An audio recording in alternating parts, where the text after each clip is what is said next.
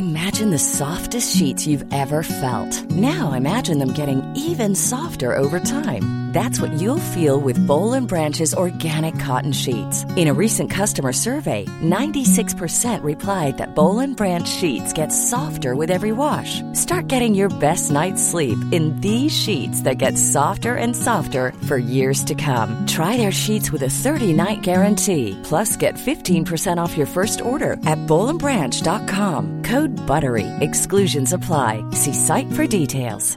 Cool fact a crocodile can't stick out its tongue. Also, you can get health insurance for a month or just under a year in some states. United Healthcare short term insurance plans, underwritten by Golden Rule Insurance Company, offer flexible, budget friendly coverage for you. Learn more at uh1.com. Ready to pop the question? The jewelers at Bluenile.com have got sparkle down to a science with beautiful lab grown diamonds worthy of your most brilliant moments. Their lab grown diamonds are independently graded and guaranteed identical to natural diamonds, and they're ready to ship to your door. Go to Bluenile.com and use promo code LISTEN to get $50 off your purchase of $500 or more. That's code LISTEN at Bluenile.com for $50 off. Bluenile.com code LISTEN. Hey, I'm Ryan Reynolds. Recently, I asked Mint Mobile's legal team if big wireless companies are allowed to raise prices due to inflation. They said yes. And then when I asked if raising prices technically violates those onerous two year contracts, they said, What the f are you talking about, you insane Hollywood ass?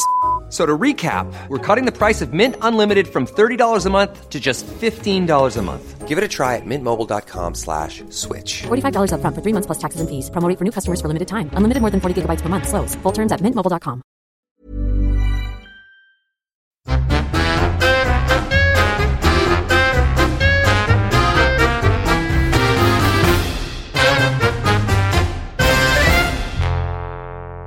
Varmt välkomna till Inte din morsa avsnitt nummer 102.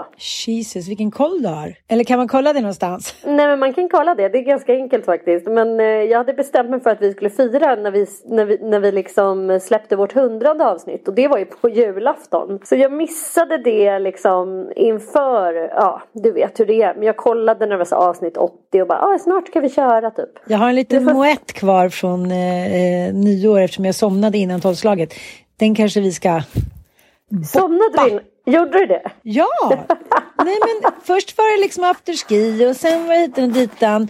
Och sen så ville barnen för första gången i sitt liv gå och lägga sig innan tolvslag. Så här, mamma ska lägga oss vid typ halv tolv ungefär. Jag bara, jag bara, men det här är liksom stört omöjligt med så här champagne, vinpaket, bla bla bla. Alltså jag menar inte att man är onykter, men om man går och lägger sig så. Man har varit uppe och åkt skidor för första gången på flera år, bla bla bla. Så jag så här, tunade in där, så kom Mattias upp liksom vid typ han bara, vad tog hon vägen? Vid så här fem över tolv och bara så här, nu är det nyårsafton. Jag var så här, nej, jag orkar faktiskt inte. Han bara, vad kul. Ja, godnatt, godnatt. Så vaknade upp dagen efter och bara så här, kanon. Men jag tycker det definierade lite, jag, jag tycker att det här har varit ett utmaningarnas skitår för mig liksom. Så att jag tycker det, Tycker du? ja, liksom inte hela tiden, men jag tycker att det har varit mycket som har varit liksom utmaningar att försöka liksom på ett psykiskt och fysiskt sätt liksom bemästra och se allting från den glada positiva sidan. Eh, så jag tycker sen när jag vaknade på morgonen så kände jag så här, nu kan det bara bli bättre. Det kändes som att eh, det släppte lite. Jag bara släppte av den där ryggsäcken med kodynga och eh, jag tycker att det, det känns lite lättare den här veckan. Måste jag säga. Mm. Mm. Det har varit en, bra start på året. Det har varit en underbar vecka med så här, helt ovanligt bra väder. Så här, fyra minus, knallsol varje morgon. Så det har ju varit jäkligt mysigt. Ja, nu känner jag mig så otroligt pepp på det nya året. Alltså så pepp så att jag bara känner så här. Nu får du ta och lugna ner lite för annars kommer du börja med så här 93 projekt och eh, inte få igång någonting. Typ. Och eh, alla runt om har ju corona så jag bara känner så här. Nej men det får inte bli ett år till. Jag fyller för fan 50. Men det är så mycket som händer. Det kan inte vara så att så här, 92 procent av befolkningen så här, bokar av om man ska ha en fest. Jag klarar, mitt, mitt, mitt psyke klarar inte det. Du fyller 50 år ja, herregud. Mm, jag vet, det känns så konstigt. Många som vi var med den här veckan, de har precis fyllt 40 och sådär. Och när man hänger med ting så tar man för att alla är ungefär samma ålder liksom. Ja, men nu ska jag ha min försenade 40-årsfest. Och så här, jag var så här, jaha. Och då blev det så konstigt. Jag bara, jag ska ha min 50-årsfest. Och var så här, va? Fyller du 50? Gud vad galet liksom. Alla är väl ungefär lika gamla. Sveriges mest omogna 50-åring. I'm sorry, men det kommer det vara. ja, jag vet. Och jag, jag väntar på det där äh, klicket. Jag tänkte på det när jag var och kollade på äh, Katt på hett plåtag på Maxim, din kära mans äh, teater. Att mm. eh, han berättade om det, jag har tänkt på det förut, han som är huvudpersonen i teatern och sen filmen och sådär. Han, eh, han är ju alkis liksom, en gammal baseballspelare tror jag. Mm. Och eh, hans fru säger, jag fattar inte varför, måste, varför måste du dricka, vad är grejen? Måste du verkligen ha en drink till? Och, och du vet, hon är liksom förtvivlad och han säger, jag väntar in klicket. Mm. Jag måste liksom känna att det så här, ja du vet att så här, det klickar till och ja, enligt min tolkning då ångesten och omvärldens surr försvinner liksom. Mm. Och, eh, ja, jag sitter också och väntar in mitt klick för att jag ska känna mig vuxen och mogen. Äh, vet fasen, nu börjar man alltid förstå gamla tanter och gubbar som är så här, jag är 92 men jag har alltid känt mig som 25 i hjärtat. Man bara säger jaha. Men, men det är ju så, jag tror inte att man Känner du dig så här mogen i själen typ? Nej. Alltså på, det är ju någonting också med att så här, eh, åren, de barnalstrande åren blir som ett enda mm. blur. Mm. För att det är så många som kan skaffa barn sent i livet och jag mm. skaffade barn så tidigt. Så jag, jag har känt mig som den här gruppen liksom småbarnsföräldrar så länge och det har ju på något sätt du också gjort eftersom ja, du fortfarande gud. har småbarn och fick barn sent.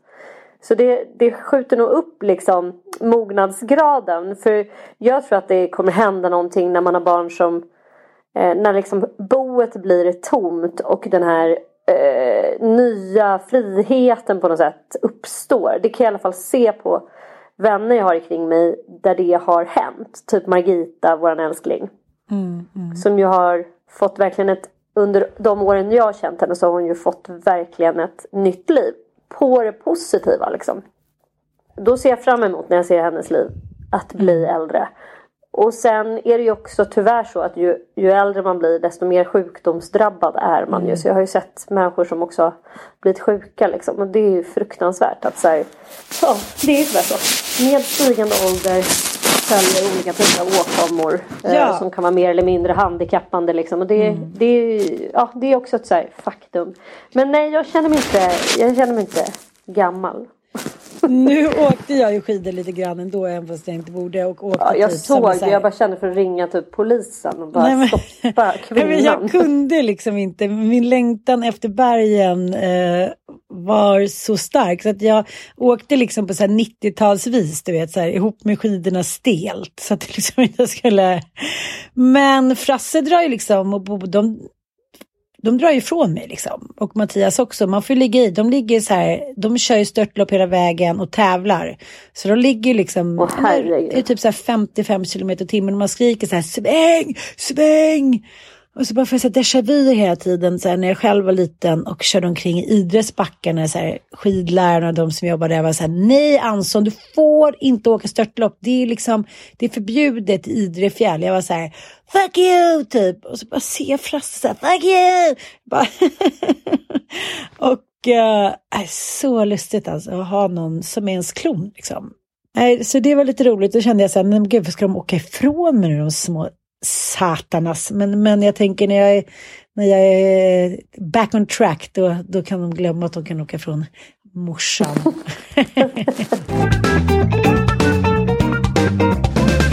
men du, jag läste en så intressant krönika häromdagen av eh, vår käre Göran Greider. Mm. Han är journalist, har varit chefredaktör för Dala-Demokraten sedan 1833 typ. Men så, så eh, eh, skrev han en krönika nu apropå att jag har ju drömt, alltså jag har sovit så dåligt den här veckan för att jag har drömt så mycket drömmar. Och de har liksom inte, alltså de har handlat mycket om att jag ska så, som vanligt köpa hus, titta på mark, titta på tomter, köpa grejer, alltså boa typ. Men så har jag också drömt om dig, att du var gravid och skulle föda en dotter och du bodde i något konstigt slott och men så väldigt, väldigt tydligt när jag vaknat. Det är ju inte alltid så. Jag har liksom vaknat mitt i natten och drömt och känt så här, nej, men kan jag bara få somna om? Jag orkar inte komma ihåg alla drömmar så här skarpt. Och samma sak för Mattias. Vi har varit så här som två osaliga andar som bara gått in på toaletten och kissat och bara så här, har du också drömt eller? Helt slut så här. Ja, ja, ja men det vet jag själv. Och det händer ju ofta när man byter miljö att man skärper sinnet och liksom, ja, så är det i alla fall för mig. Men så läste jag Göran Greider för att han eh, blev friskförklarad i somras men sen fick han RS-virus. För några månader sedan. Så att han, han kommer inte ihåg någonting. Han minns bara att hans fru ringde ambulansen, att han fick hög feber. Och sen vaknade han typ två veckor senare. Och då, då skriver han just om de här drömmarna. Att han, så här, han drömmer att han är på väg liksom, över Atlanten till England. Och alla är med. Liksom, att Boris Johnson är med och går så här som han gör liksom, med armarna bakom ryggen och stappar omkring. Och han bara tycker så här, fan vad alla, alla verkar så oberörda här av andra världskriget. Britterna de är så modiga och så här. Liksom. och så, så vaknar han så tänker han så här. Det, det har varit så mycket fantastiska drömmar och han har varit så, liksom, han har varit sån hårsmån från döden under hela den här tiden. Och så sa han att det är liksom någon form psykets så här, sätt att visa att så här, nej, jag tänker inte ge upp, jag överlever liksom. Det, det är en krigsförklaring, psykologisk krigsförklaring mot döden liksom. Att man drömmer och man, man vill fortfarande tänka stort och överleva och drömmar och boenden och sådär. Och jag tyckte det var en sån fin tolkning av det, att, att så här, många som har legat nersövda och sådär pratar om, om så starka och fantastiska drömmar liksom det undermedvetna och det, det jag, jag, jag, är, jag är ingen drömtydare men det ligger ju någonting i det där att så här, in i det sista så kan man drömma och då menar jag liksom, eh, vad ska man säga, det blir lite som en metafor men så här men det är ju som du säger, att man pratar ju med många som, men jag träffade en tjej igår som hade haft cancer och man läser om kompisars kompisar som gick bort i bröstcancer. Och så här, det skrämmer mig lite. Jag har alltid känt mig så stark liksom fysiskt och äh, det, det tycker jag faktiskt är lite jobbigt att tänka på. Att det kommer ju liksom med stigande ålder. Har du inte under ditt liv haft någon sån där eh, liksom åkomma slash liksom Ja men det kan ju vara av både fysisk eller psykisk karaktär när du har känt Mm, att så här, jag kan, det här gör mig så pass handikappad så nu vet jag typ hur det känns att vara eh, begränsad av sjukdom. Liksom. Mm, Ordentligt begränsad. Har du varit så dålig någon gång? Alltså, av det ena eller andra skälet? Jag menar nu, alltså, även om jag precis har opererat mm, underlivet då och sytt igen det och sen så kan jag ändå inte känna, det har ju inte gjort mig totalt inkapaciterad. Första veckan gjorde det det eftersom man inte kunde sitta. Utan då fick jag liksom ligga och äta eller man var inte särskilt sugen. Men Men du klarade ju ändå av att så här, hosta en radiogala. ja, ja, så att, nej det Ja, kan jag inte säga. nej. Jag har brutit lillfingret, jag... Eh, nej, det var de där första sex veckorna av mitt liv när jag låg liksom i kuvös. Men det minns jag ju inget av. Nej. Men i Nej. övrigt så har du liksom fått vara Ja. hyfsat frisk. Ja, det tycker jag. Du då? Ja, men jag har ju haft liksom två nära döden åkommor. Eh, dels när jag födde Olga, då fick jag ju listeria. Och hade ju så här akut sepsis i hela kroppen och liksom hade ju någon typ av livs eller dödskamp där. Och det, det, då var jag så ung tror jag och hade liksom, jag förstod inte riktigt att jag var så pass nära döden som jag jag var. fattar. Liksom. Så Det, Odödlig där- fram till 25 tycker jag. Ja, Ja. och det, det där skakar man av sig den första gången. Men sen fick jag ju akut sepsis igen av en urinvägsinfektion som gick upp i njurarna. Så jag fick njurbäckeninflammation. Och det gick ju då så långt att jag också fick akut sepsis. Och då fick jag en sån där jävla, och då var ju Lo liten. Jag tror han var ett och ett halvt eller två kanske. Två var han nog. Eh, men jag fick i alla fall den där eh, förnimmelsen av att så här, det här skulle ha kunnat innebära slutet. Eh, och att jag var så jävla inkapacerad. att jag inte ens klarade av att så här, gå upp och ta. Jag låg ju inlagd liksom i en vecka så då, det är ju klart att man inte kan ta, ta hand om sina barn då. Men sen när jag kom hem så var jag så himla försvagad. Jag var så här, alltså det fanns inte en möjlighet att jag skulle kunna gå upp springa upp och hosta en, en gala. Och jag var ganska, du vet jag var så här svag i, i säkert en månad efteråt. Att jag liksom knappt klarade av att gå en promenad och sådär. Men, eh, och sen har jag ju varit eh, fick jag ju utmattnings, akut stresssymptom och så här, utmattningsdepression. Och då var jag ju också sjukskriven i, i fyra månader och hade ju så grov panikångest. Just det, det och det ihåg. skulle jag vi säga. varandra. Eller vi måste ha känt varandra. Ja, vi Båda kände nog gångerna. varandra båda men, gångerna. Ja, men jag kommer ihåg att Lasse ringde mig, vår kära anhörigterapeut och sa så här, ah, nu är det inte bra alltså, nu är det inte bra, nu, nu, nu mår hon dåligt, nu har hon fallit ihop här. Jag var så här, va? Va? Och, det- och, och, det är också så här när man lever så som vi gjorde då, så nära stress och press liksom. Mm.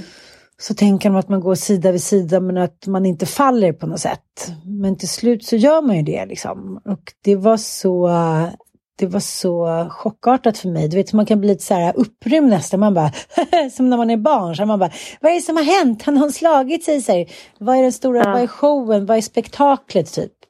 Innan det sjönk in. Det gjorde mig liksom väldigt, väldigt stressad. Och eh, Det var, så, det, vet, det var också så stressande för mig tror jag. För att, alltså, har man medberoende med sig, vuxet barn problematik som vi har. Så har man ju ett enormt kontrollbehov. Och så har man ju någon slags eh, övertro på sin egen kapacitet. Och man har fått klara sig själv mycket från, från unga be, barns ben så att säga. Så det var liksom också så jävla obehagligt att själv inte klara av att liksom Alltså där, då, då var jag ännu sämre än när jag ändå har varit fysiskt nära döden. jag och jag har funderat jättemycket på det där senaste veckan. Just för att corona exploderar. Och så läste Micke en studie. En brittisk studie som har gjorts om då olika typer av dödsorsaker under de här två coronaåren. Där han konstaterade att så här, eller han konstaterade inte utan det är bara rena fakta. att Självmordstalen, det är fler som har tagit livet av sig än som har dött i corona. När det gäller en viss eh, alltså, å- ålder och kön, unga pojkar då.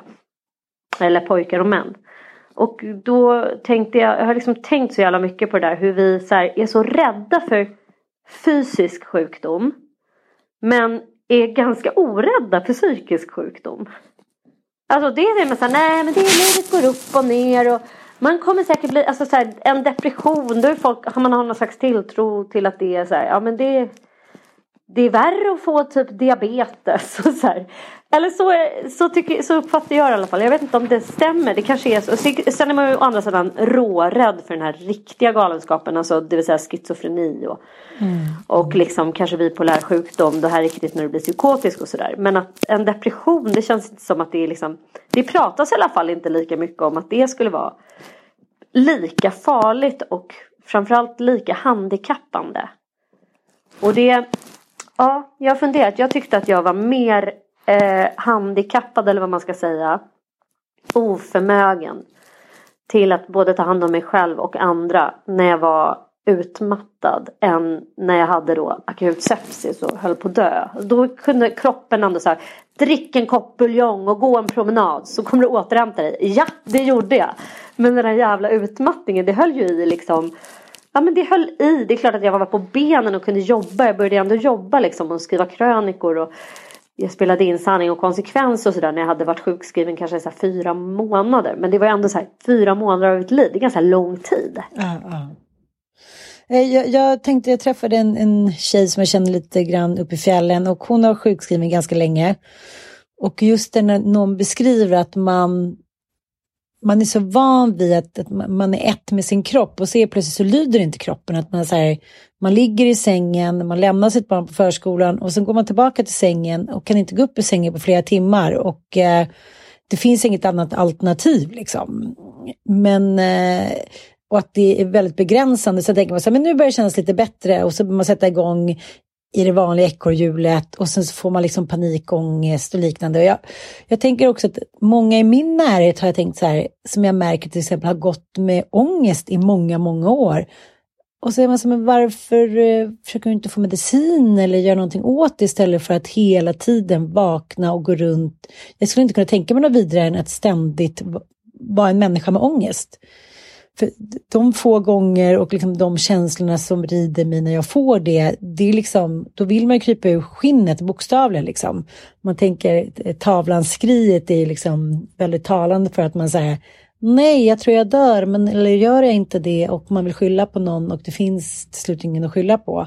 Och så börjar människor då ta kanske några happy pills och eller ja, får hjälp på något sätt och ångesten försvinner och man ser hur deras både fysiska och psykiska kapacitet blir så enormt mycket större och starkare. Det är så här, de slipper hela tiden gå omkring och känna sig att de går i det här mörkret. De är så här, plötsligt så sträcker de på sig, de blir starka, de skrattar, de har kontakt med folk. Och jag har en tjejkompis som är så 44 och hon började käka happy pills för ett år sedan. Hon bara, men gud, tänk om jag aldrig hade gjort det. Tänk om jag hade gått omkring i hela mitt liv och trott så här, ja men det är väl så här man ska känna då. Och det där säger många läkare och psykologer så här att snälla, liksom, det är två, år 2022, ni behöver inte gå omkring och må dåligt. Det finns hjälp att få. För det är liksom lite grann det där också att det är, det är så skillnad på fysisk och psykisk sjukdom. Så att när du mår dåligt i själen eller har ångest. jag, jag kommer ihåg att jag inte riktigt visste vad ångest var. Nej, eh, förrän jag läste Anne Heberleins bok Mm. Jag, jag, vill inte leva, jag vill bara, eller jag vill inte dö, jag vill bara inte leva. Mm. Och då, för hon gör den ångesten begriplig. Och eh, då hade jag liksom gått, fan hur gammal var jag då? Ja, men så 28, 29 kanske. Mm. Alltså det är ganska många år och ångest är en grundkänsla, det är liksom en överlevnadsinstinkt. Och ångest är ju dels eh, bra, det är en varningsklocka till oss alla liksom att så här, någonting är fel. Antingen fysiskt, man kan ju få ångest av fysiska skäl, att man har järnbrist till exempel. Eller ja, ja, olika ja. typer av näringsbrister eller att, att man har stressat för mycket och så här. Men sen kan ju ångest också bero på att man har eh, massa obearbetad eh, trauman och eh, liksom posttraumatisk stress eller att man lever inte riktigt som man Eh, vill. Alltså att man hela tiden går emot sina egna behov och inte tillfredsställer dem. Och det finns ju så jävla många olika behov vi har. Det är ju inte bara så att du ska ha mat och sömn utan det finns ju andliga behov och drömmar som man vill fullfill och sådär. Eh, existentiell ångest och sådär. Men det är just att man så hade noll koll på det. Det är inte riktigt någon i skolan som pratar om ångest. Nej! Och typ jävligt många kommer drabbas av depression. Det är den vanligaste sjukskrivningsorsaken hos kvinnor mellan en viss åldersgrupp. Och ändå så är det så här, det är, det är inte många som pratar om det. Nej! Det är inte många som så här, utan, och det är också en sån där diagnos som man inte gärna så här skryter med. Typ. Ja, jag är sjukskriven för depression här inne på sjätte året.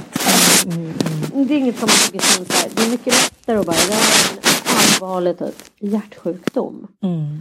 För att jag är utbränd. Det träffar också ja. mycket kvinnor jag träffar i fjällen där. Men jag träffade en tjej som hade varit utbränd i flera år. Hon sa jag tycker det är jobbigt att åka iväg till fjällen och träffa gamla kompisar och det. Och så säger folk så vad gör du då? Vad gör du nu? Länge sedan? Och så liksom mm. står hon hemma, eller man ska säga. Mm. Ja, kanske inte sjukskriven längre, men hon har liksom inte orkat gå tillbaka till arbetslivet och ja, de klarar sig på en lön. Liksom. Hon sa, det är mm. så jobbigt när jag ser att de är på väg. Så, men tja! Hon har alltid varit någonstans som fixar allt och jobbar mycket. Och eh, jag var så men skit i det. Det är väl ert val, eller ditt val. Om det funkar och du mår bra av det så. Hon bara, nej men det, det är en skam. Det finns liksom inget så här, om man går hemma så är man sjukskriven. Annars går man liksom inte hemma som kvinna nu för tiden. Kanske finns någon mm. i Bromma, någon i Djursan hit och dit. Men, men på andra men ställen. Men då har ju de så... skaffat sig något annat jävla alltså livsinnehåll. Att de så här, ja men, ja men jag är liksom, jag håller på med vår trädgård, jag sköter om våra fastigheter.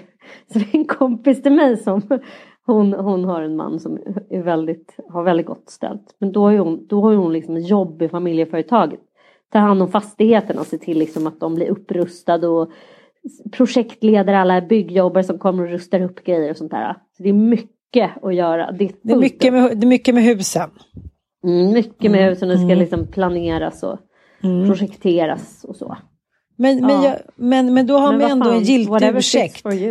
Ja, men just det där att hon, hon försökte med allt och hon utredde sig för sin ADHD och fick liksom jätte jättehög medicin. Så här, fick utskriven av en så här, läkare så här, 70 milligram och sov inte på två år. Det är så, liksom, ja, men, så man ska åtgärda så man vet inte vad som är vad. Och, och det, det, är svårt. Och det här samhället som vi lever i, jag tänkte på det när jag var ute och promenerade lite själv uppe på fjället. Så här, någon liten vandringsled.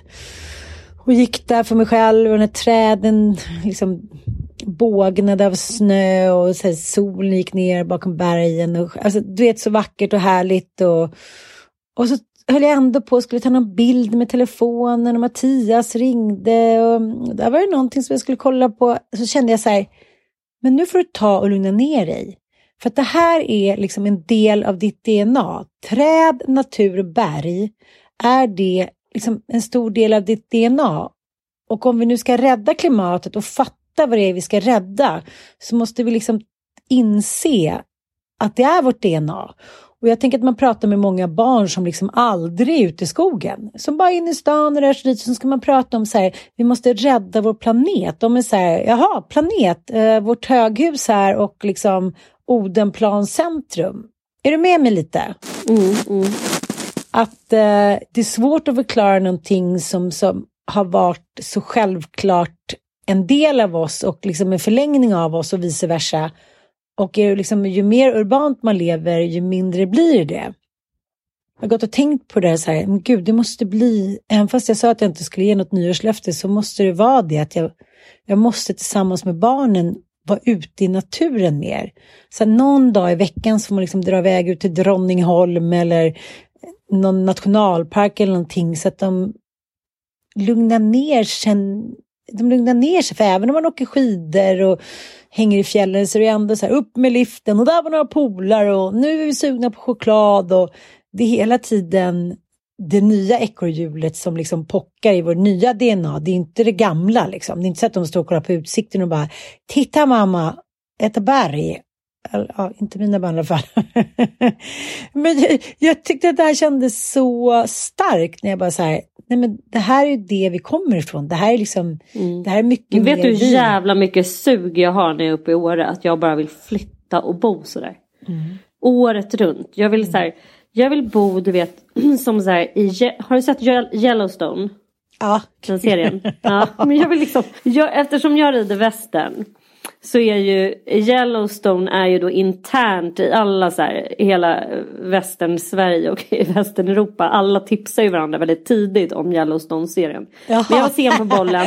Ja men alla är så här, ja men det, för det är liksom riktigt, det, det är liksom riktiga raining-hästar och det är, ah, fattar, liksom västernridning på riktigt. Så det, så det är många som bara älskar att se den av det skälet. Men sen Gud, också att det, alla vi som rider västern vill ju bara leva det där livet. Så ah, det, det, den, är ju, den är ju riktad till oss hela, hela serien känns det som. Att de har skapat den för oss. Men för er som inte har sett den än så är det ju en också ögonfröjdernas frejdighet i vår älskade Kevin. Och lite andra karlslokar, hans söner. hans söner och Det är så göttigt. Hans...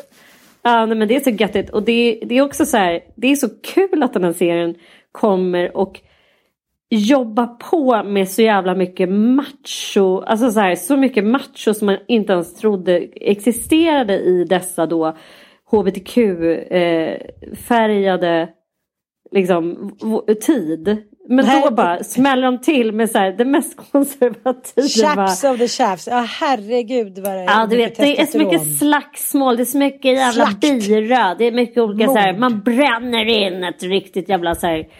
Ja men den är så mycket macho eh, klyschor som bara ja. far fram. Och bara för att, det, för att det liksom är förbjudet idag så tror jag att det funkar så bra. Ja, jag tror men... att man kanske törstar lite efter det där emellanåt ändå. Att så här, ja, men hur skulle, hur skulle liksom de annars vara där ute på Yellowstone? Alltså, vad skulle de ta för roll då när de bor där på rancher med hästar? Skulle de helt plötsligt bara säga nu ska vi... Det, ja, det, liksom, det ter sig omöjligt Vi vill ha jämlikhet här. Ja. ja. men de har ju liksom... det finns ju en annan mumsig manlig karaktär. Men sen oh, har de ju då vägt upp sitt The Macho Heaven med mm. kanske en av de roligaste karaktärerna som någonsin har skapats i Beth Dutton. Det är liksom Kevin Costners eh, dotter då mm. som ju har en... Kör på. Ja, men det, är, det är liksom en roll som är som en mix mellan Sue Ellen och Regina vi- Lund, Regina Lund Ja, det är eh, som- blandat med så här Kerstin Nej, men hon är-. Hon har blivit en, en ikon i framförallt USA så du kan köpa du vet så här armband, muggar eh, med hennes quotes. Hennes typ eh, hur fan var det? Jag sa det till Micke på julafton i ett litet rim. Ja, men om, om du är eh, om du är camp, eh, om du är the trailer park I am the tornado. Det är typ så här hon, ja, men alltså hon säger men- men- bevingade ord i varenda jävla avsnitt. Ja, hon är otrolig. Jag har aldrig blivit så sugen på att flytta till en ranch, gå iväg naken inför så här 200 karar, ta med mig en riktigt bra champagneflaska, sätta mig och röka i badkaret. I så här, badkar. Merry Christmas! så jävla befriande. Älskar hennes roll och hon är ändå... Hon var är- super som en hel jävla kar. Alltså bara beställer in olika drinkar med ren sprit och är så här dyngrak i stort sett hela tiden men ändå skitsmart. Och så här, ja, Svinhet. klarar av att bli både nedslagen och så här, eh, sätta... Ja, men hon, hon, är, äh, hon är faktiskt väldigt rolig, underhållande. Det får man lov att säga. Verkligen. Ja, underbar serie. Och, Men jag vill i alla fall leva Mm. på Yellowstone-ranchen. Jag vill gifta mig med Kevin. Han verkar ju vara Mm. singel. Jag har inte sett, nu är det liksom den fjärde säsongen ute och jag har bara kommit till avsnitt tre. Men det känns som att han håller på att dejta upp någon vegansk subba, höll jag på att säga. Någon galen kvinna. Men jag, jag ska se. Annars så jag, jag, vill bara kliva rakt in i serien och eh, gifta mig med honom. Och Men- flytta till Nej, Yellowstone. det är jag. jag. Vi kommer få bli... eh, Du med. Jag Vi är med. som monogam. Men det är roligt det där, det som har skett med honom. För att han kom och gjorde Dansen med vargar, en film som kom på 80-talet och eh, ansågs liksom hetare än hetast. Och sen så bara började han ju liksom the, the big failure fall, så här tin cup. Men, Nej men den var ju bra. Ja, det kanske var. Men han, han, han försvann i alla fall ur, ur min sexighets, ra, ur min sexighetsradar. Så jag har liksom inte tänkt på honom och säger, säger Mattias, ska vi kolla på den här Yellowstone? Jag var så här, va, vad är det? Den handlar om hästar. Jag var så här, ja, ja. Och sen så är det bara så här, men svärtan, kärleken, manligheten, hästarna. Då är det så här, okej, he's back on fucking track alltså. Och sen så som vanligt så är det så att jag hinner se eh, är liksom en säsong och sen så helt plötsligt när vi ska kolla några dagar senare då har Mattias sett alla säsonger och jag är så här, när gjorde han det här? Har han någon så Ja, svart hin- hål? Han så här Einstein-hål. Jag faller ner i något svart hål och då bara glittrar han omkring där. Gud, nej, fy fan vad det är störande. När man är, alltså vi, jag och Micke vi är så fullständigt i osynk. Jag har ju kollat på hela Succession. Jag, alltså jag började kolla på Yellowstone långt före honom. Sen kom han in i Yellowstone och sen är Micke också så här. Han har en riktigt irriterande egenskap att när jag blir väldigt sugen på en serie. Alltså jag bara, ja men jag har läst någonstans att den här, den här filmen ska vi se eller det här. Då får han bara direkt så anti-känslor. Mm, jag menar mansklassikern. Hon Nej, har men ett behov som hon vill dela med mig. Nej men liksom nej nej, nej du ska absolut inte kollas på den. Eller så här, oj nej det var fel person som hade. Nu har ju då, jag läste både på Sigge Eklund och Malins Instagram att de har sett eh, Maggie Gyllen, Gyllendals eh, nya film. Som heter The Lost Daughter. Eh, Och den ska tydligen vara något helt helvetiskt eh, bra. Okej. Och det är Elena Ferrante, du vet min fantastiska väninna. Eh, men hon har eh, skrivit då en bok som ligger till grund för det här manuset. Och den, den skriver ju både Sigge och Malin att det här är så här, typ den bästa film vi har sett någonsin. Typ. Och då vill man ju se den. Vill jag i alla fall. Ja, Nej, det är vill inte Micke vill. då. Utan då får han antikänslor. Kan vi stanna? Vi måste stanna här, för du vet ju det vi pratar om. Att det här med att det här behovet när en kvinna uttryckligen säger att hon vill ha någonting. Att, men, det måste, det här som vi säger att det är en så här, eh, det är någonting, jag måste hitta förklaring på det, jag måste forska i det där vad det handlar om. Uh, och ibland, härom veckan så var det en man som uh, vi känner liksom, Mattias känner honom lite, så sa han, ah, ja, det är jag och min nya tjej har varit tillsammans i liksom i tre år och, uh, Och hon, hennes högsta önskan, hon vill verkligen gifta sig. Då känner jag så här, jag vill inte, jag har varit gift liksom. Men, men om hon vill det, då är det klart hon ska få gifta sig. Om det gör henne lycklig. Eller Mm. män som säger så här, om hon vill ha ett till barn, vem är jag och hindra henne från det? det? Varje gång jag hör det så känner jag bara så här, nej men underbara man, du har fattat exakt vad det går ut på. Du satt nu och käkade tacos och jag sa till mina pojkar så här, eh, ni vet att så här, snåla män som inte är bjuckiga på känslor och pengar så här, de är ju slut med bara på några veckor. att de liksom måste förstå dem och förstå att det finns liksom några big no-nos. Och jag tycker just den här känslan att när man ber om någonting så ska det liksom, nej. Du är med mig, vi har pratat mycket om det där. N- n- När, när vi har ett behov så blir det så här, då är någonting så här, tycker inte den låter bra. Man bara, nej. Okej. men Ja, nu- eller att någon bara plötsligt blir extremt busy och måste göra någonting annat. Liksom. Att det, så här, det finns, finns ett initialt motstånd när man, när man uttrycker något behov. Jag skulle inte säga att det är generellt för mycket, det tycker jag inte. Men, men just kring filmer så har han någon sån där. Och så, det, det beror också mycket på, fattar jag, för att han själv är skådespelare. Så han, han har lite högre krav på liksom aktörsskills och han vill gärna se något oväntat och han vill gärna se liksom vissa skådespelare. Alltså han, det, ju, det måste ju vara som när vi läser olika journalisters verk liksom. Att man kanske bara så här, är inte så sugen på Daniel Nyléns typ så här, Nej, spaningar om typ, ja men du fattar. Så han, han, det, det kan vara mycket som ligger till grund för det men jag tycker ändå att eh, ibland så är det också ologiskt för mig att det bara är så här. Han gillar ju också så här, jag ska inte säga att han bara gillar så här bra film. Han, han kan ju också sitta och varför gillar alla män så här undergångsfilmer? Med så här, planeten jorden blir beskjuten av typ kometer. Det är den filmgenre som jag och skräckfilmer riktiga så här, alltså jag, jag får inte ut ett piss av det. Att det är en så här komet som ska krossas och så är det någon hjälte som ska så här, eller det kommer något virus och de ska så här springa runt hela filmen. Man får bara så här stresspåslag på stre- stresspåslag. Man känner sig sjukt stressad hela tiden. Och sen bara ska de så här, efter en och en halv timmes adrenalinpåslag så ska det då vara någon som räddar jorden. Och det vet man ju redan innan. Så det är bara, hela slotten är oftast bara pisstråkig. Varför gillar man sådana filmer? Nej, Varför gillar man inte. det? Ja, men jag tycker så här, Don't look up nu som eh, nya eh, Netflix-satsningen då med eh, Leonardo DiCaprio bland annat. Där det faktiskt slutar med då att det inte är ett så himla lyckligt slut. Det är den enda undergångsfilmen som jag har tyckt varit underhållande. Men just för att den tog upp klimatfrågan och eh, liksom. Eh, men, men de filmerna som är bara så här. Eh, jaha, Eh, en alien eller eh, en undergångsfilm eller det, liksom ingenting leder någonstans överhuvudtaget och det, ingenting som händer på vägen. Det fattar inte jag. Jag har ju fan inte ens sett, vad heter den där Tenant som alla pratar om? Så här, ingen fattar vad den går ut på. Jag har sett den tre gånger nu och nu börjar jag förstå. Nej, men, jaha, okej, okay. men varför är du så besatt av att se den? Vad, vad är det du tror du ska se? Ska det komma ut någon så här eh, lösning på ditt egna personliga ångestproblem? Vad är det ni tror att ni ska hitta i filmerna liksom? Ja men det är också så här att de ofta är så jävla komplicerade. Det är Ja. typ helt så här, man måste lära sig ett helt språk och olika Mm. nya begrepp om så här, rymdfarkoster som heter helt nya saker. Det är liksom helt obegripligt hur man kan fastna för det där. Men jag antar att det handlar om att man får den här nu-känslan. Liksom adrenalinet slår till, man hamnar i den där känslan av jag är ju en torrboll, jag gillar ju rom romantiska dramas va. Så är jag, typisk tjej. Typisk tjej är jag.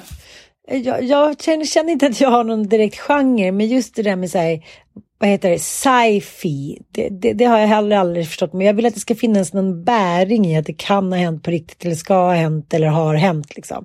Jag, jag, jag, här- ska också säga att jag är en sucker för andra världskrigsfilmer. Det har vi faktiskt gemensamt jag och Mattias att vi gillar att se krigsfilmer. Men då måste de vara based on a true war. A Mm. Ja, true gud. story. Så man är så här, men gud, det, är just det, det där läste jag då. Det var Röda vita rosen. Eller det var den och den och den. Sånt älskar man ju. Men inte när det är så här. Hitta på, typ. Du kan lika gärna kolla på så här. Musse och långben på rymdraketen. Det tycker jag liksom är mer underhållande. Jag vet inte om det är en, om, om det är en världs, eh, liksom en världsfrånvänd flykt. Att så här, där finns det inga kjoltyg som ställer krav, inga snoriga ungar och inga bilar som ska köras till Åre. Där är jag bara så här, the fucking space. För det är samma sak nu när jag läser om så här Elon Musk.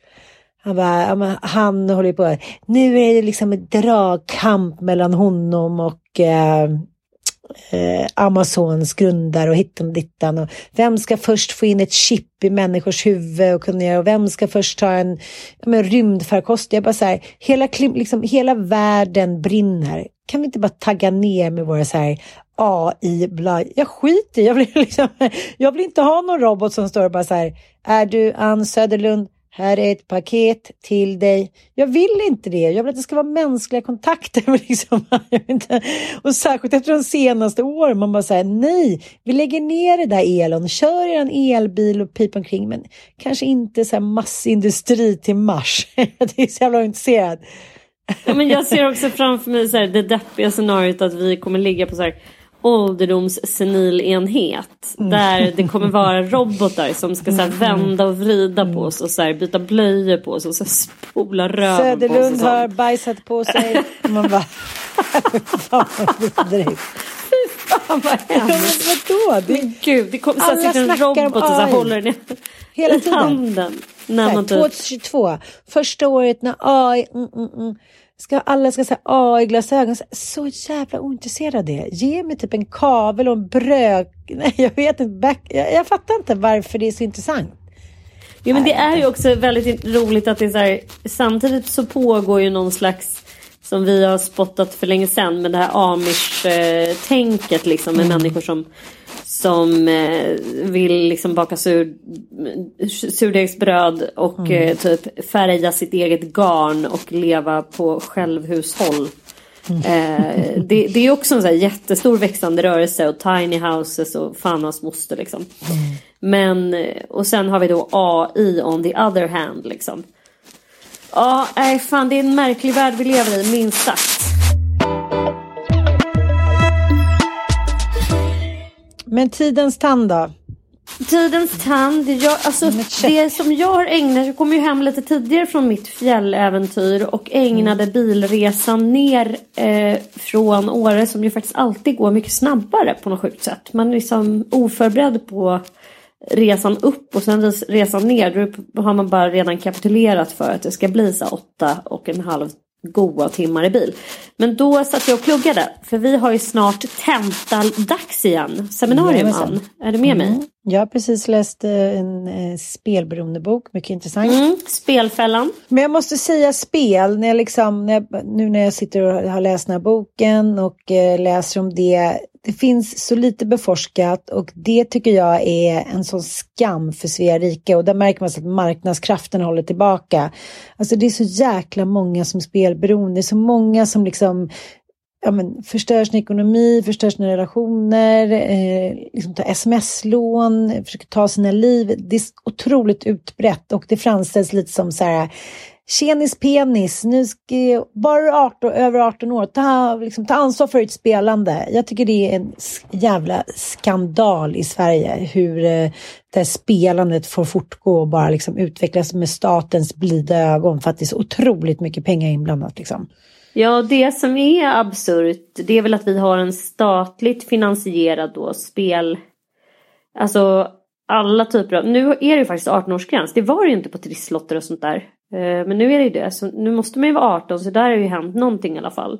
Men jag menar när det gäller spel, jag tycker det är ganska bisarrt att Eh, alkohol är så reglerat eh, så du måste gå till Systembolaget, du måste vara 20 år och eh, liksom för att bli serverad på krogen så måste du, du får inte bli för berusad och sådär. Men med spel är det inte så. Du kan ju verkligen pipa in på din lokala kiosk eller ICA-butik liksom och, och köpa hur mycket jävla spelkuponger som helst liksom. Eh, och sen har du ju varenda dator. Det är bara att koppla upp dig så kan mm. du spela obegränsat. Och det är in, mm. väldigt få som klarar av att kontrollera din ålder. Mm. Så att eh, nej men det är väl också så här kanske att tiden inte riktigt har hängt med och sen att spel inte, spelmissbruk inte har, har inte, det har inte varit en, en diagnos och nu är det det i DSM-5 och i ja, men olika psykiatriska diagnosmanualer. Så nu, det kommer hända massor på det här planet nu tror jag. Och det är ju ganska många eh, behandlingshem nu som riktar in sig mot eh, spelmissbruk. Så jag tror att det kommer hända mycket men sen tror jag också att det måste ju liksom folkbildas om det här. Precis som om psykisk ohälsa. Det är liksom så här, varför vet ingen det här? Jag, jag spelade nu på uppesittarkväll så spelade jag Bingolotto med mina pojkar. Vi med. Ni gjorde det också? Ja. Mm, Bobo, Men du vet- hysterisk. Nej, men de blir hysteriska. Ja, för de, de blir så här, när de bara får fyra i rad. Eh, och det här är ju också, jag bara känner så här, gud vad jag inte kommer göra det här något mer. Med mina pojkar. För att de har ju så här vinnargrej, de bara älskar att vinna saker. De är så här, sitter och spelar sina jävla dataspel hela tiden. Och så här, Nej men skulle någon, jag är så glad att ingen utav dem, jo men Igor fick bingo men han vann ju så här 250 spänn eller vad det var. Om det Ja, var det, eller en Sverige, Sverigelott vann han. men liksom bara när han fick, jag bara kände så här nej, hoppas han inte får det för att jag vill liksom inte att de ska få mer smak. Nej. Eh, för att det, det är ju en upprymd känsla. För första gången så bara sitter de samlade och bara blir helt så här. Och det är så jävla många föräldrar som gör det här med sina barn. Alltså att man sitter som en så här familjegrej och bara åh vad härligt nu har jag Ja. köpt lotter till oss. Nu ska vi sitta och göra det här. Och det är så lätt att en- se också vilka barn som är... Frasse var så här, det här var tråkigt och Bobo så här, skrek. Du vet, han var galen att vi hade glömt köpa en lott fysiskt liksom. Och han satt där och liksom skrek så här, jag vinner, jag. Jag var så här, gode gud, aldrig mer liksom. Nej men jag kommer ihåg när jag var med Dante, han var så 8-9 år och vi var på någon Viking Line båt liksom. Och där får ju alla spela och han började spela på en enarmad bandit och fick speljäveln i sig, å det grövsta. Timme efter timme efter timme så var jag så här, vad är han nu då? Vad är han nu? För jag höll ju på och jobbade samtidigt, gick fram och tillbaka. Men till slut hade han frågat en äldre dam om man kunde få 20 kronor. Och du känner ju Dante, det är kanske inte det första man tänker att han ska göra. Du vet den kicken, han vann ju direkt liksom. Och sen så bara kunde han liksom inte släppa taget om det där. Nej, läskigt alltså. Incellmännen bedarra er alltså. Gode gud, usch. Ja, Men vi ska inte, alltså, återigen skrattar vi åt det. Jag vet att det är Ja. många som lyssnar som har fruktansvärda problem med det. Det är ju bara så. Men det är samtidigt så här, det är ju någonting när den här beroendesidan som finns i varenda hjärna kickar igång. När det här liksom födosöket, att man, man blir så besatt av någonting. Man ser liksom det hägringen framför sig. Och det där kan kicka igång hos vem som helst och sen kan man stänga av det. De allra flesta, 90% av alla har inte liksom beroendeproblem. Men sen är det 10% av befolkningen som har det och vad det beror på finns det ju massor med olika teorier om. Eh, bland annat liksom att det finns genetik då där man predestinerar för det. Men, men också i kombination med att man har ångest under delar av ens liv som gör att man vill fly in i, för det kan jag verkligen förstå, jag tyckte det var mycket mer eh, visuellt, för, alltså, jag förstod det så mycket tydligare. Eh, att spelmiss, jag kände själv så här, gud det här skulle jag kunna eh, liksom fly in i. Att man går in i så här ens värld där man bara, åh här kan jag vinna, här kan det hända grejer. Man hamnar i nuet direkt. Allt som har varit problematiskt under dagen eller som är problematiskt försvinner ju för att man bara måste gå upp i det där. Man måste liksom fokusera på eh, sitt spelande och eh, att det erbjuder en enorm verklighetsflykt. Alkohol känns inte som att jag ens kan komma till den där verklighetsflykten. du får ju aldrig Alltså, klicket. Nej men jag får inte klicket och det handlar väldigt mycket om att jag också är Jag har ingen tolerans mot alkohol så om jag dricker tre glas vin då blir jag illamående. Eller typ somnar. Så jag kommer aldrig till klicket där jag blir så här, alltså det kunde jag göra när jag var yngre. Du vet att man så här, dricker tre tequila och sen är man typ i en annan värld. Där nuet är bara existerande. Man är bara här, man är nu, det händer grejer, man är så här, hamnar på någon efterfest och det bara händer tokiga grejer och man är bara i en, en helt egen värld på något sätt. Det, det kan inte alkohol eh, åstadkomma för mig alls längre. Och, och det var en annan fråga på vår tenta. Eh, ångestförsvar, kan det liksom vara vilket beteende som helst? Absolut. Kan det vara det? Ja, det är klart det kan vara. Då började jag tänka på mina hästar. Jag bara, är det här ett ångestförsvar? Det har vi konstaterat för många år sedan. Eh, men jag tycker att det beskrivs också så bra i Karin Smirnoffs eh, första bok eh, Jag får hem till mor. Att hon är så här, kommer hem till sin brorsa det bara ser ut som ett sånt jävla ras där hemma. Det är så här, man ser att han inte har liksom diskat på typ fem, ja, men det är bara, han är alkis, allting så här, håller på att gå åt helvete. Hon bara så här, börjar metodiskt städa som en galen människa i flera dygn.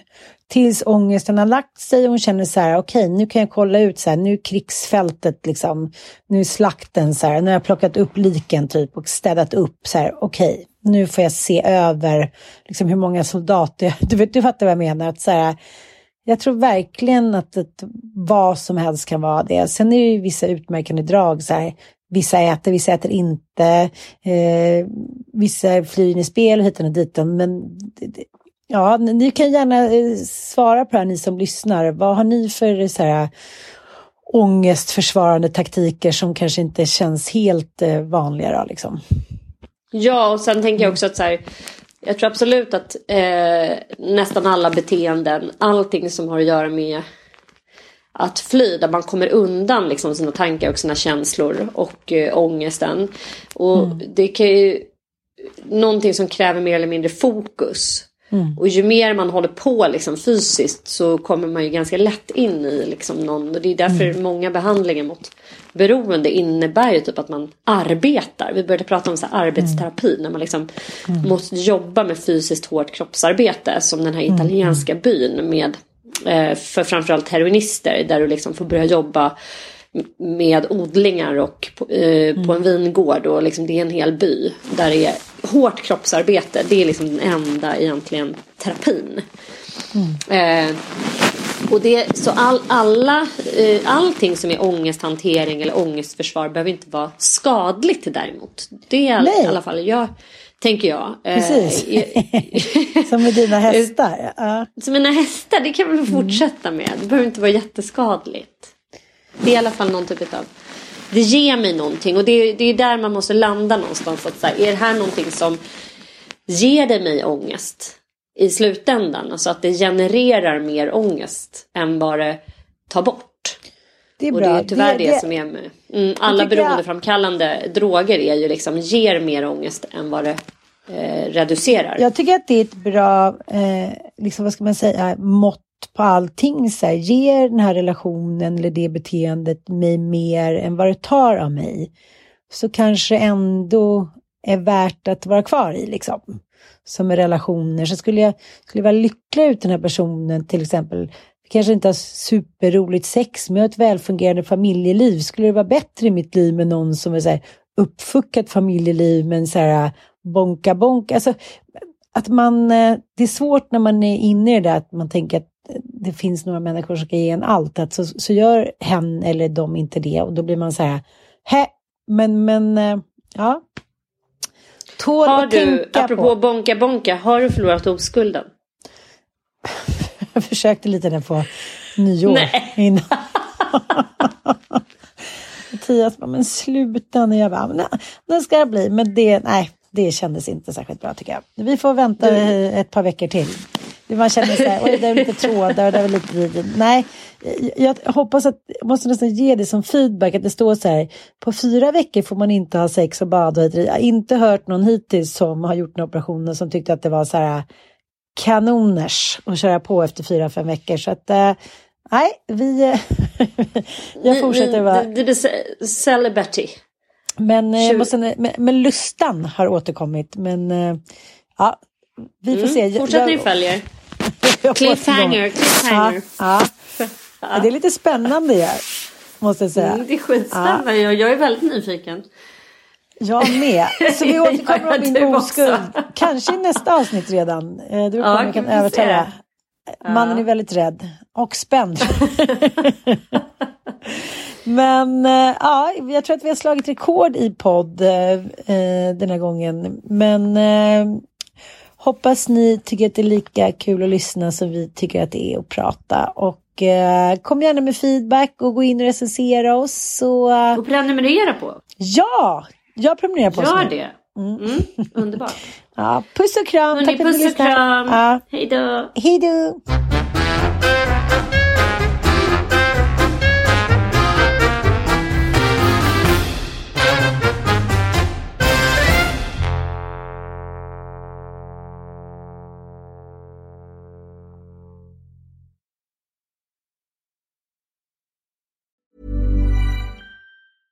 Mom deserves the best, and there's no better place to shop for Mother's Day than Whole Foods Market. They're your destination for unbeatable savings, from premium gifts to show-stopping flowers and irresistible desserts. Start by saving 33% with Prime on all body care and candles. Then get a 15-stem bunch of tulips for just $9.99 each with Prime. Round out Mom's menu with festive rosé, irresistible berry chantilly cake, and more special treats. Come celebrate Mother's Day at Whole Foods Market. Hi, I'm Daniel, founder of Pretty Litter. Did you know cats tend to hide symptoms of sickness and pain? I learned this the hard way after losing my cat, Gingy. So I created Pretty Litter, a health monitoring litter that helps detect early signs of illness by changing colors, saving you money and potentially your cat's life. Pretty Litter is veterinarian developed, and it's the easiest way to keep tabs on your fur baby's health right at home. Go to prettylitter.com and use code ACAST for 20% off your first order and a free cat toy. Terms and conditions apply. See site for details.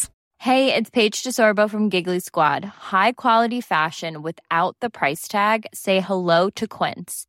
I'm snagging high end essentials like cozy cashmere sweaters, sleek leather jackets, fine jewelry, and so much more. With Quince being 50 to 80% less than similar brands and they partner with factories that prioritize safe ethical and responsible manufacturing i love that luxury quality within reach. Go to quince.com slash style to get free shipping and 365 day returns on your next order.